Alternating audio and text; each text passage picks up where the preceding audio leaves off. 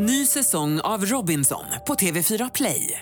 Hetta, storm, hunger. Det har hela tiden varit en kamp. Nu är det blod och tårar. Fan händer just nu. Det. är Detta är inte okej. Robinson 2024, nu fucking kör vi! Streama söndag på TV4 Play. Radio play.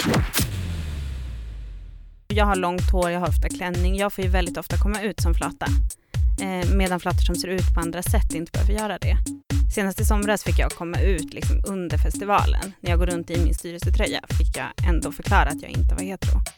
Om jag säger att jag är judinna eller jag har Davidsstjärna som jag ofta har som är den judiska symbolen så får jag väldigt ofta frågor om hur jag, vad jag tycker om Israel, vad jag tycker om ockupationen, vad jag tycker om bojkott, vad jag tycker om Palestina.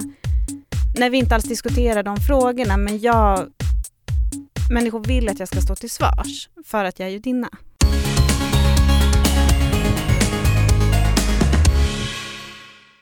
Hallå och välkommen till ett nytt avsnitt av Regnbågsliv. Åh förlåt, jag är lite flummig. Anton, jag lyckas vända på dygnet.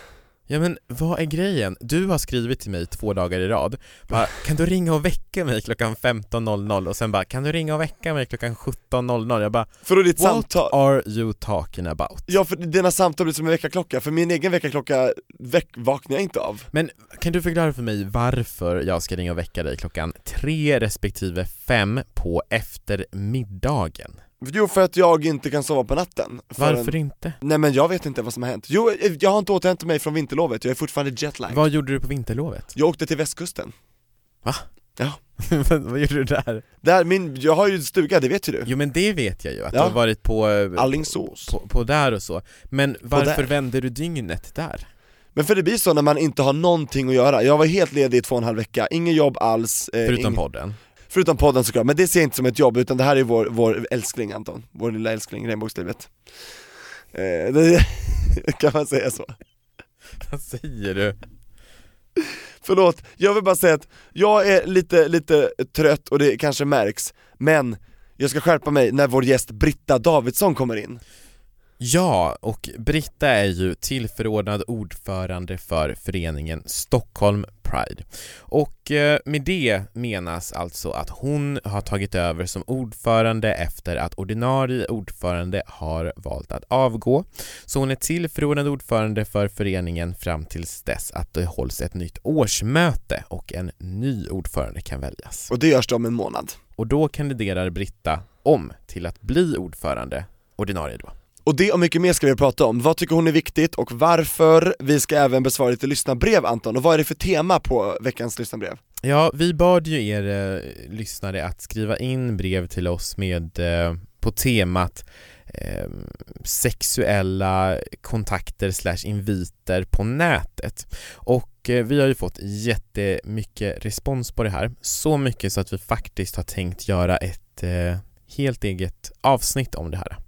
Nästa vecka. Det får bli en liten cliffhanger på det. Cliffhanger. Jag vill bara säga på tal om förra veckans gäst, eh, Peter Hägge Häggström, längdhopparen Alltså, jag har blivit så inspirerad av honom, och jag har sagt det till dem också, Anton jag börjar friidrotta igen Just det. Jag har gjort comeback! Efter åtta år, i måndags, gjorde jag min första träning är på banorna igen och jag kände lukten av, du vet det här materialet, spikskorna på, du vet, jag kände mig lätt och snabb Det är som att ingen tid har gått alls Det kändes jättebra Vad kul! så jag kommer satsa nu Anton, har jag bestämt mig. Gay Games, som är alltså typ regnbågs-VM kan man säga, i Paris i augusti. Sju månader, jag kör. Åh vad roligt. Ja. Kommer du heja på mig då? Jag hade jättegärna gjort det, jag hade jättegärna deltagit också Ja, om det inte hade varit att det kommer vara mitt i valrörelsen. Just det. Mm. Eh, augusti då är högtryck, för i september ska vi välja, eller hur? Precis. Mm. Men vi får se, kanske jag kan komma dit en dag eller två och spela lite badminton eller pingis eller någonting. Jag vill ju inte träna i fri, tävla i friidrott egentligen. För det är för känsligt. Det är, nej inte riktigt att det är för känsligt, men lite det kanske, att det skulle kännas som att jag inte skulle vara lika bra som jag var tidigare. För du vill inte komma ihåg dig själv som att du inte var lika bra Nej, som så här jag fattar. prestationskrav och whatever, whatever. Yes, yes, yes. Men ehm, det, det skulle också vara kul att, alltså den här prestationskraven skulle nog, jag skulle inte ha dem om jag skulle ta någonting som jag inte är lika bra i. Typ badminton. Jag, Fast du är bra i det, vi har spelat tidigare, du är Jo väldigt duktig. men alltså jag har aldrig varit, alltså i fri... Du har ju vunnit pokaler i badminton också. Jo jo jo, ja det har jag gjort. Mm. Men eh, det har inte varit någon så här prestige, jag kan inte mäta men jag kan inte bara så här. jag hoppade 1,90 i höjdhopp, nu måste jag hoppa 1,90 igen. Det är inte såhär, vem smashar hårdast? Det är inte så liksom, nej Nej, och, då kan man göra latcha och ha lite kul. Jag kanske också åker till Gay Games. Vi kör, vi, Paris, nu kör vi Paris. Mer, mer om det senare, det är också veckan efter Pride så det känns bra. Nu är det januari och jag är jätteintresserad av vad Britta har att säga. Mm. Utan further ado som man säger på engelska. Välkommen in Britta Davidsson.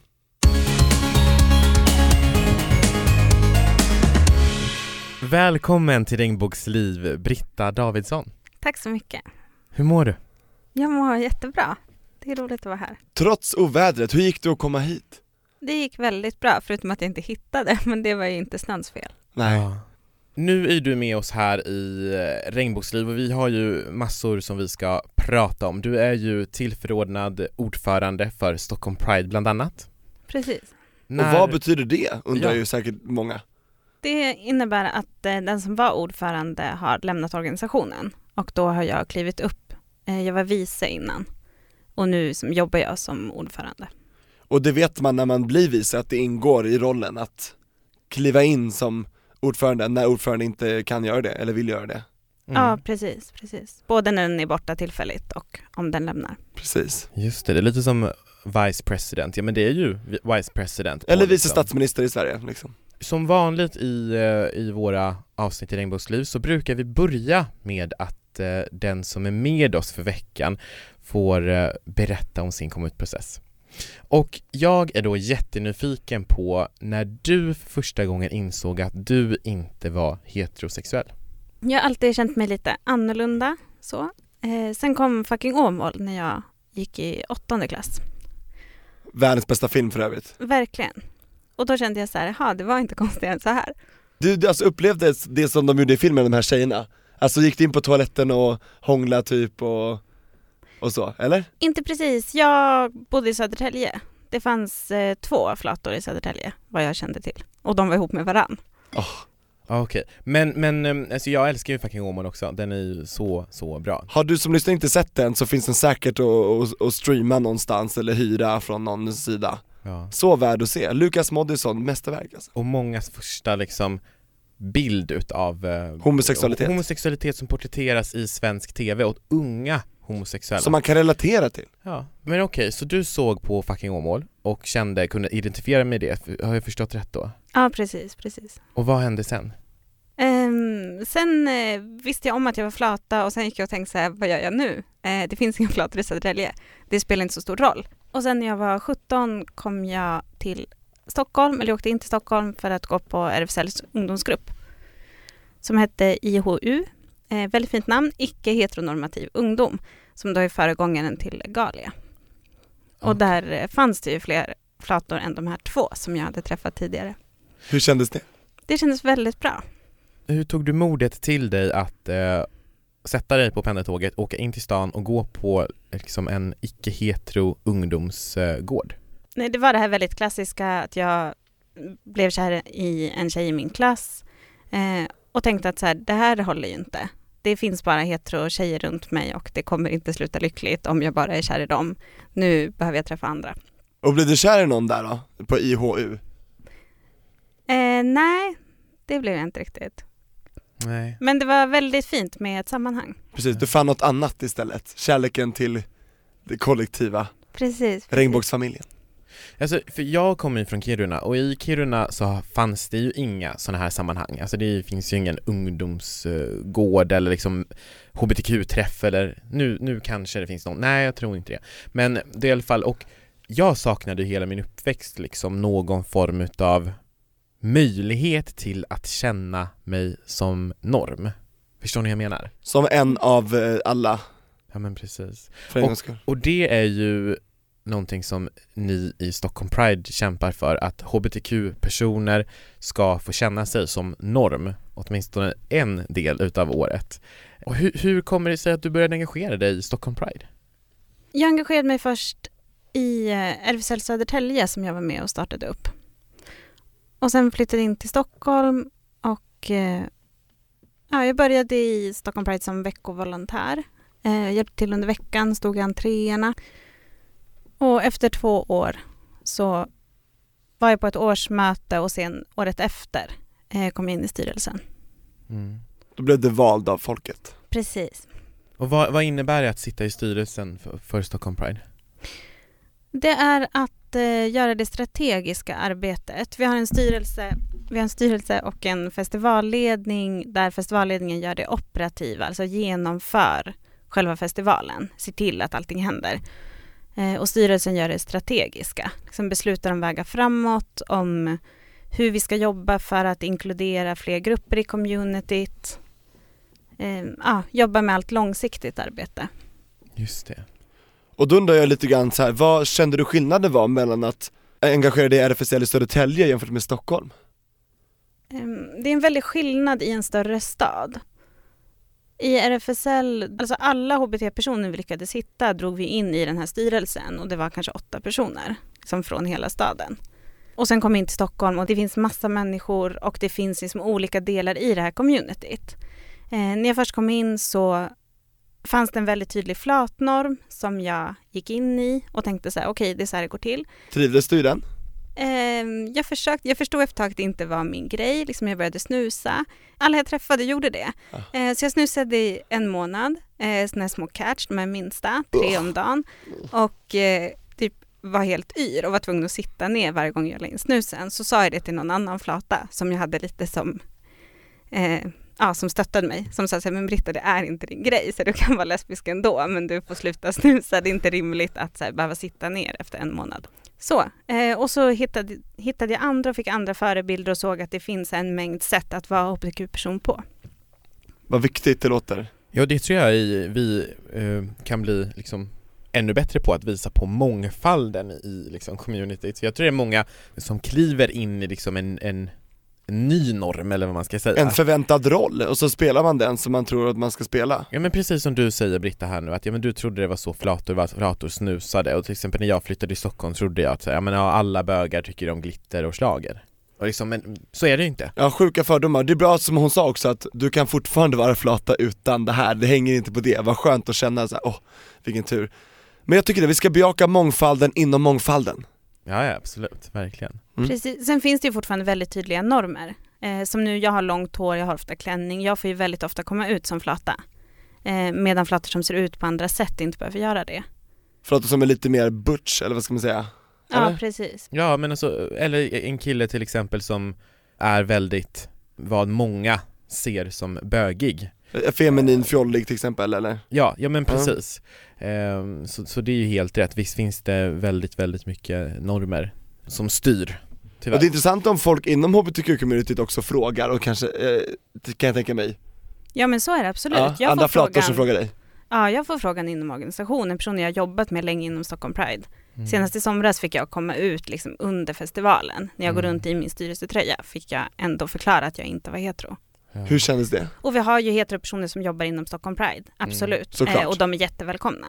Eh, jag hade uppskattat att få vara norm, att inte behöva komma ut eh, och rättfärdiga att jag är där. För det känns som att du jag har blir, exakt, det blir som att du blir ifrågasatt.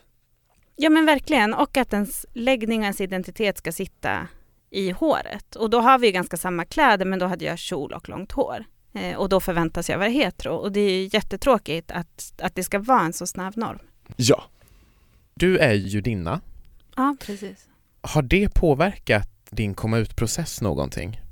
Det tror jag inte att det har gjort. Jag har dels judisk bakgrund och dels icke-judisk bakgrund. Ehm, Men det har ju inneburit att jag har tillhört en minoritetsgrupp redan innan. Men redan innan jag kom ut så tillhörde jag en minoritet och stod lite utanför de här vanliga normerna. Eh, Och då, det gjorde nog det lättare. Hur då? Ja, men att, jag, att jag redan var annorlunda. Att det var inte här som det stora skedde. Men också då när jag såg fucking Åmål och det var, det var inte ett val jag gjorde att bli lesbisk utan att jag eh, insåg att så här, men det här är ju jag. Det har alltid det funnits inte, där. Ja men precis, och det var inte ett val jag gjorde då. Eh, utan mer att saker, när jag ser tillbaka så, eller när jag då såg tillbaka så förstod jag mycket. Jag håller med dig, för att det, det är många som tror att homosexualitet eh, eller andra läggningar än hetero är ett val, och det är det ju verkligen inte. Nej, det är ganska så fel det bara kan bli. Det är verkligen helt fel eh, uppfattat, vill jag bara poängtera. Mm. Så att, eh, bra Britta, att du, du, där kunde du liksom, då vaknade du lite grann inför dig själv Mm. Mm. Men vad, vad härligt att du upplever det som en, um, liksom att det har varit en, en styrka, för många jag har pratat med har har berättat om liksom svårighet att vara en minoritet i minoriteten. Alltså de normer som finns i övriga samhället finns ju också inom hbtq-communityt. Så där får jag ju också dels komma ut som judinna men sen också stå på mig väldigt mycket ibland. Hur då stå på det? Ehm, där det finns, ja men till exempel om jag säger att jag är judinna eller jag har Davidsstjärna som jag ofta har som är den judiska symbolen så får jag väldigt ofta frågor om hur jag, vad jag tycker om Israel, vad jag tycker om ockupationen, vad jag tycker om bojkott, vad jag tycker om Palestina. Ehm, när vi inte alls diskuterar de frågorna men jag människor vill att jag ska stå till svars för att jag är judinna. Mm. Och jag förväntas ha en koppling till Israel och jag får, jag får redogöra för hur den ser ut och vilket ställningstagande jag har gjort. Och det händer ändå ganska ofta. Mm. Det kan jag tänka mig är väldigt jobbigt Ja, det är det. det, är det. Ja. För det är ingenting du har bett om liksom, och det ska inte du behöva utstå Och mycket att all, all judisk koppling går till Israel. Om jag berättar att jag har varit på ett chanukka-firande, alltså firat en av våra högtider, så blir svaret på det någonting som har med Israel att göra och jag har inte ens nämnt Israel. Men då Ja. berättar någon att den, den skulle inte välja att semestra i Israel. Det är som Eh, och det är inte alls det vi diskuterar. Nej, exakt, det är som att säga såhär, jag är från Tyskland, och man bara, "Ah, vad tycker du om Hitler? Eller Ja, hur? Det är lite ja, samma, eller? Inte riktigt samma sak egentligen. Alltså, Men lite så, och typ såhär, ja, det jag är från USA, ja, men Vietnamkriget, ska vi ta upp det liksom? Det, är- det är lite, hör inte riktigt hit ett exempel på att många gör den kopplingen mellan judar och Israel är ju att när Donald Trump valde att eh, flytta eh, USAs ambassad, eller aviserade om att USA skulle flytta sin ambassad i Israel eh, Alltså byta adress inom Israel Ja men eller? precis, från Tel Aviv till Jerusalem så ökade attackerna mot judar även i Sverige. Och det finns ju en koppling, alltså Israel har ju en, en viktig plats inom judendomen. Men det innebär ju inte att alla judar i Sverige har fattat beslut rörande hur Israel ska agera i olika frågor eller har tagit ställning eller vill ta ställning i andra sammanhang. Mm. Jag tänker att vi ska eh, prata lite mer om Stockholm Pride. För eh, det har ju varit en ganska så hektisk period för Pride de senaste två månaderna. Kan du berätta lite om den här tiden Britta? Ja, det som hände var att det kom fram att eh, en person som är engagerad inom organisationen eh, på en ledande position har haft en sexchatt med en person under 18. Och sen eh, finns det anklagelser om att den här personen skulle ha betalat för sexuella bilder. Vad var det som hände när ni fick reda på det här? Det fanns anklagelser om det här i sociala medier. Så då pratade vi med den här personen eh, och vi pratade med våra juridiska ombud eh, som stöttar oss i juridiska frågor och ser vad som är olagligt och inte. Ehm, och vi beslutade att den här personen inte skulle fortsätta vara engagerad inom Stockholm Pride. Vi vill inte ha personer som gör sådana saker som representerar oss. Mm. Men det är ju så, vi är ju, alltså hbtq-världen eller så här regnbågsvärlden är ju inte förskonad från eh, de här rörelsen, eller det här, fr- från saker som till exempel sexuella övergrepp och, och sådana saker. Det finns ju överallt i samhället, men det är så synd också när en grupp kanske redan är lite utsatt och så händer det här, då kan det lätt användas emot gruppen. Alltså det skadar verkligen hela gruppen när sånt här händer, jag tycker det är så extremt synd. Förstår ni vad jag menar? Mm. Ja, Mm. Jo men precis, den homofobi som finns ser ofta ut på det sättet. Att vi är män som utnyttjar unga pojkar. Det är en klassisk homofob bild. Så det är jättetråkigt när den bekräftas. Exakt Eh, och ungdomar är ju utsatta, extra utsatta och framförallt då hbtq-ungdomar. För de som kanske inte har kommit ut och det finns ingen att prata med och du vet, då kanske man anförtror sig till personer då, män som man kanske inte borde och så händer, kan det hända hemska saker alltså, det är Mm. utnyttjanden av värsta slag Och jag vet också Anton att vi har en liten brevlåda full med frågor som- som har att göra med det Mm, precis. Jag tänkte vi ska eh, öppna våran brevlåda alldeles strax. Innan det tänkte jag bara att vi avslutar Den här liksom diskussionen om det som hänt på Stockholm Pride, vad gör ni i Stockholm Pride nu för att det här inte ska hända igen? Det vi gör nu är att prata med olika medlemsorganisationer. Det är olika organisationer som jobbar med hbtq-frågor på olika sätt som kan vara medlemmar i Stockholm Pride. Eh, så vi består av en mängd olika organisationer som vill jobba med de här frågorna. Så vi har haft möte med alla dem tillsammans och vi har pratat i telefon med företrädare från de olika organisationerna och kommer fortsätta att göra det. Eh, och ha närmare samarbete med vissa av dem, eh, framförallt då RFSL Ungdom som jobbar just med ungdomar. Där vi tillsammans vill jobba med hur vi ska säkra upp festivalen och hur vi ska få unga att, att känna att de har förtroende för Stockholm Pride. Just det. För vi hoppas att inte det blivit allt för skadat. För nu är den här personen borta, ingen mer samarbete där. Så nu får vi se vad som händer på det här årsmötet då, som är snart. Precis, 18 februari har vi årsmöte. Och du Eh, kandiderar? Precis, jag kandiderar till ordförande. Eh, Just Och då kommer vi också presentera hur vi, vad vi vill jobba med nästa år, eller det här året, 2018. Eh, Där vi bland annat då vill jobba med de här frågorna. Både att lyfta dem under festivalen, eh, i samtal och så, men också jobba i organisationen, hur vi säkrar upp. Där vi har bestämt att vi tydligt vill gå ut med vart man kan vända sig om man ser någonting eller upplever någonting. Och vad har du för hjärtefrågor då, om du skulle bli ordförande? Det är främst att jobba med hela communityt. Att hela communityt ska känna att det är deras festival och deras organisation. Mm. Och det är en pågående strävan hela tiden. Eh, och där är det jätteviktigt att tänka att man aldrig har något i mål. Utan det är ett pågående arbete hela Precis. tiden. Vi får inte bli för nöjda för då blir vi bekväma, då slutar man kämpa. Det finns mycket kvar att göra. Precis. Mm. Även om vi har kommit långt på flera håll så är det långt kvar. Ja, och inte minst att kämpa för redan vunna segrar. Just De det, kan tas ifrån en. det har vi ju pratat om innan ja, det känner jag igen ja. Och Mm. det håller jag med om. Nej man får aldrig, aldrig vila, Ja men så är det. ständigt kämpa. Men eh, vad bra, tack Britta för att du uppdaterade oss på, på vad som händer inom Stockholm Pride. Jag tänker vi öppnar eh, lite brev. Ny säsong av Robinson på TV4 Play. Hetta, storm, hunger. Det har hela tiden varit en kamp. Nu är det blod och tårar. liksom. Fan händer just det. Det är detta inte okej. Robinson 2024, nu fucking kör vi! Streama söndag på TV4 Play.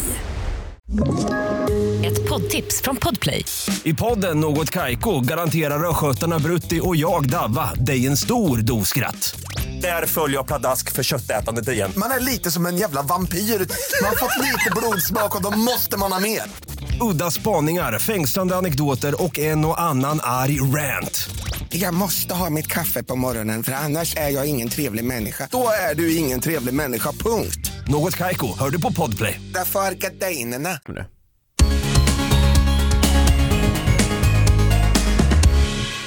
Hej Regnbågsliv med gäst. Jag är en pansexuell kille på 14 år som vill berätta om en sak jag varit med om på internet. Så fort jag gick med på hemsidan cruiser.com så började massor av gubbar att skriva till mig och jag svarade inte på någonting av det. Men en kille som jag skrev med sa att han var 15 men jag misstänker att han är äldre. Jag skickade bilder på mig själv till honom när jag inte hade kläder på mig och nu är jag väldigt orolig att de här bilderna ska spridas. Jag vet att jag inte borde ha skickat dem från första början, men jag tänkte inte så noga i stunden. Hur tycker ni att jag ska göra för att be honom att radera bilderna utan att äventyra vår vänrelation som jag vill ha kvar? Tack för svar. Vill du börja Tobias? Jag tänker spontant, vilken vän vill att en, en annan vän ska skicka lättklädda bilder på den personen? Det tänker jag lite spontant, det här låter inte som en jättebra vän. Nej men Så. för den här killen är 14 år och Ja. han misstänker att den här killen som utger sig för att vara 15 är äldre. Nu vet vi inte varför, han skriver inte varför. Men eh, om man har den känslan så tror jag nog att han är Jag tror man det. kan märka det på sättet eh, människan skriver på. Jag tror, ibland har jag också kunnat tänka att jag märker vilka ord som används eller vilka formulering meningarna har. Och också att man märker att det jag har märkt i alla fall när jag var liksom yngre och såg att om nå- något kanske var så ett fake-konto Det är att så här, bilderna kanske är eh, väldigt mörka eller inga bilder alls eller man kan inte prata i telefon för att då kanske avslöjas på rösten och sådana saker Jag Ja, tänker också att man ska gå på sin egen känsla och är det något som inte känns bra så är det ju inte bra. Personen kanske är 15 men då är det någonting annat som inte stämmer. Mm. Så känns det inte bra så lita på det. Ja verkligen, lita på dig själv. Och eh, jag hoppas att eh, killen som skriver in har sagt att han är 14 till den här 15-åringen, för oavsett om han är 15 och han är 14 så är han fortfarande alldeles för ung för att skicka bilder. Det är barnporr ändå, så de här bilderna ska Mm. inte ens ha, liksom ha betts om. Nej, Så säger man så här, bara så du vet, du har olagliga filer på din telefon, hittar någon det så kommer du att dömas, så jag skulle säga att du tar bort dem där och genast så är det ju. Och skrämma upp lite grann kanske. ja, om jag ska försöka gå in liksom i den här 14-åriga killens situation utan att liksom, det går givetvis inte att göra, men jag ska försöka. Man har gjort någonting impulsivt. Det har känts bra i stunden. Jag har skickat de här bilderna. Och för det, det har förmodligen känts bra där och då. Och sen efteråt ångrar man sig och kanske får ångest, mår dåligt, eh, skäms. Hur ska man säga då? Hur ska man ta tillbaka det? Jag förstår verkligen den känslan. Ja för han är jätterädd, för om de här kommer ut så kommer ju också han ofrivilligt ut kanske, om man inte gjort det innan, då blir, då blir hela allting offentligt liksom så Ja det här är jättesvårt, men jag, jag skulle säga till den här personen att Alltså det här är inte lagligt det som har hänt här och det här, det, det, måste verkligen bort alla bevis och jag skulle uppskatta om vi inte gör det här igen typ och det här är inte så jag vill ha det och Som sagt, lita på, säga, säga öppet ärligt hur det ligger till Mm. För jag hoppas att, att människor inte är så hjärtlösa så att de bara, nej, vad, vad ska jag göra med bilderna? Det här är ju sjukt bara Mm. Men så tänker jag också, misstänker man att något inte är bra så, så tänker jag också det är väldigt bra att kontakta liksom, Abuse Master eller vad det heter på sidan. Mm. Så att de kan kolla upp om det här verkligen är den den utger sig för att vara eller om den har varit otrevlig på något annat sätt. Mm. Just om bilderna har skickats via eh, den här hemsidan då Men även om MMS. de inte har det, men de har Ja. fått kontakt på den här sidan. Ja just det, då kan man ju, just det Det är rätt, det är sant. Och Bra. då ser man ju också till att det blir en bet- ett bättre klimat på sidan för man tar bort personer som inte ska vara där och som inte beter sig bra. Precis. Ja för då hjälper du också andra förutom dig själv, det var väldigt bra Ja. mm. Vem kan den här killen vända sig till för stöd i det här? För det är givetvis, alltså, Psykiskt stöd då kanske, mm. ja alltså stöd utöver liksom vänner och familj. Finns det någon annan som han kan vända sig till? Jag försöker fundera. Skolsköterska, ungdomsmottagning. Finns det någon lärare du har förtroende för? Eller liknande om du inte har liksom en vän eller familjemedlem som du känner att du kan prata med. Googla runt lite och se om, vad, vad eh, som finns i, i din närhet eller kanske finns någonting online till och med. Mm. Men ha inte dåligt samvete för att du har eh, skickat de här bilderna, för det är du har inte gjort någonting fel i det. Det är snarare om de här bilderna skulle spridas eller liknande, då är det den som gör det som gör någonting fel. Lita på magkänsla som Britta säger och eh, sen sök efter instanser, det finns säkert chattar på nätet och det finns också mottagningar eh, och gå, börja där Mm. Och be att han tar bort de här bilderna, förklara hur du känner. Och abuseanmäla. Bra, vi tar in ett nytt brev. Hej regnbågsliv. Jag är en transtjej på 15 år som har en grej att dela med mig av angående sex. Jag registrerade mig på ett hbtq-community för ungefär ett år sedan när jag var 14 och eh, har varit öppen med att jag är trans där. I verkliga livet så vet bara några av mina vänner om hur det ligger till och eh, på det här communityt så har jag och en man som är runt 30 år skrivit med varandra ett tag. Han har varit väldigt förstående och uppmuntrande och stöttat mig i min process, så jag är väldigt tacksam för det. Men ibland så har det inte känts bra. Det som har känts jobbigt är att han ibland är den enda som förstår mig, men att han samtidigt också ber mig göra saker som jag inte vill. Till exempel så har han bett om att få se mitt könsorgan och det har inte känts bra alls för att jag är trans och att jag inte identifierar mig med mitt könsorgan. Hur ska jag göra för att fortsätta vara vän med honom men ändå markera att jag inte vill visa mitt könsorgan? Att prata med vänner, familj eller skolsköterska om det här som ni ibland ger som tips och råd är tyvärr inget alternativ för mig då jag inte är redo att berätta om detta. Tacksam för svar. alltså, Återigen känner jag som med frågan innan att det här är ingen vän att ha Vänner ska inte fråga sådana här saker, vänner ska inte kräva bilder på någons könsorgan, jag tycker det är helt galet. Mm. Har ni några sådana vänner? Jag har inte Nej, det. nej men alltså jag tänker så här. vad vuxna människor gör mellan varandra, det är ju upp till dem Men det här är ju faktiskt, den här tjejen är ju 15 år Ja, jag kan inte förstå varför hon vill ha den här personen som vän. det. Jag kan förstå varför hon vill ha det, när hon beskriver ju vad behovet, men jag, jag förstår inte jag tror att det kan vara en osund relation i och med att det finns en väldig maktobalans eh, i och med att man är på väldigt olika platser i livet som 30-åring kontra 15-åring och dessutom så känns det absolut inte okej att den här personen vill, alltså begär bilder på liksom könsorganet när han vet om att hon inte identifierar sig med det, att hon är trans och dessutom tycker jag det är olämpligt ändå, alltså det hade varit Det är olämpligt det jag menar. Ja, vad tänker du Britta? Ja, men jag tänker oavsett så är det ju liksom aldrig okej att begära sexuella bilder eller sexuella handlingar. Och där måste ju finnas en ömsesidighet. Liksom vill någon inte får man acceptera det. Och vad är det då som driver en person att fortsätta när den andra inte vill? Eh, sen i det här fallet tycker jag att det är så himla tråkigt att den här personen tvingas kompromissa mellan att inte ha någon att prata med och att liksom bli utsatt för det här tvånget. Eh, och som det verkar så är det den här personen som, som det finns att tillgå att prata med. Och det är så himla sorgligt att behöva göra avkall på andra saker som är viktigt för en för att kunna ha en kompis. Och det ska, som du säger, det ska verkligen inte behöva vara så. Precis, det ska inte vara så ömsesidigt uteslutande att så, utan, Mm. men jag skulle säga kasta den här personen Mm. och du har hittat den här personen, då kan du alltså hitta en, en person igen Som Mm. förhoppningsvis inte beter sig så här. Ja, alltså för det jag tänker också är ju att vi lär ju oss i, när vi är barn, de flesta får höra i skolan och av vårdnadshavare och, om vad man ska akta sig för på internet, vad man ska akta sig för med äldre personer och så vidare. Då målas det ofta upp en bild utav en, att så här, ja, men akta dig för fula gubbar till exempel brukar man ju säga. Uh, och att så här, akta dig för snuskgubbar, akta dig för, ja men sådana saker. Och när jag var yngre i alla fall, om jag ska gå till mig själv, så trodde då jag att en person som var till exempel pedofil var, eh, alltså såg ut på ett visst sätt eller agerade på ett visst sätt för att jag hade fått det beskrivet för mig på det sättet.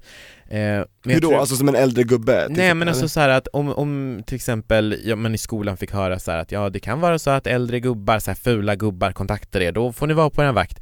Då målar man ju upp en bild i sitt huvud hur de ser ut, sen eh, med filmer och sådana saker, hur de beter sig, alltså när man har sett på, på film också, tv till exempel. Och jag tror det är viktigt att komma ihåg här att det kan komma i alla skepnader.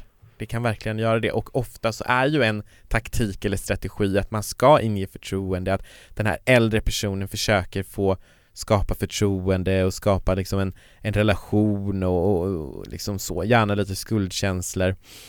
Och um, det här låter inte som en sund relation överhuvudtaget och precis som, även fast du skriver här att vi, du inte finns något alternativ att prata med någon så då, då tycker jag du får kontakta någon anonymt, till exempel Mm. en ungdomsmottagning som du kan ringa till eller någonting sånt. Någon, någon anonym, ehm, för, för du behöver prata om det här tror jag och du behöver hjälp att komma ur den här relationen som jag tror är destruktiv. Mm. Och även om du, om du säger nu att den här personen lyssnar på dig så är det ändå någonting annat än en omsorg om dig som driver den om den också ställer krav på att du ska skicka bilder. Då är det inte någon som är din vän och vill dig väl. Alltså Precis. tyvärr. Det är inte genuint, det låter verkligen inte som det. Det finns en baktanke och den är inte bra.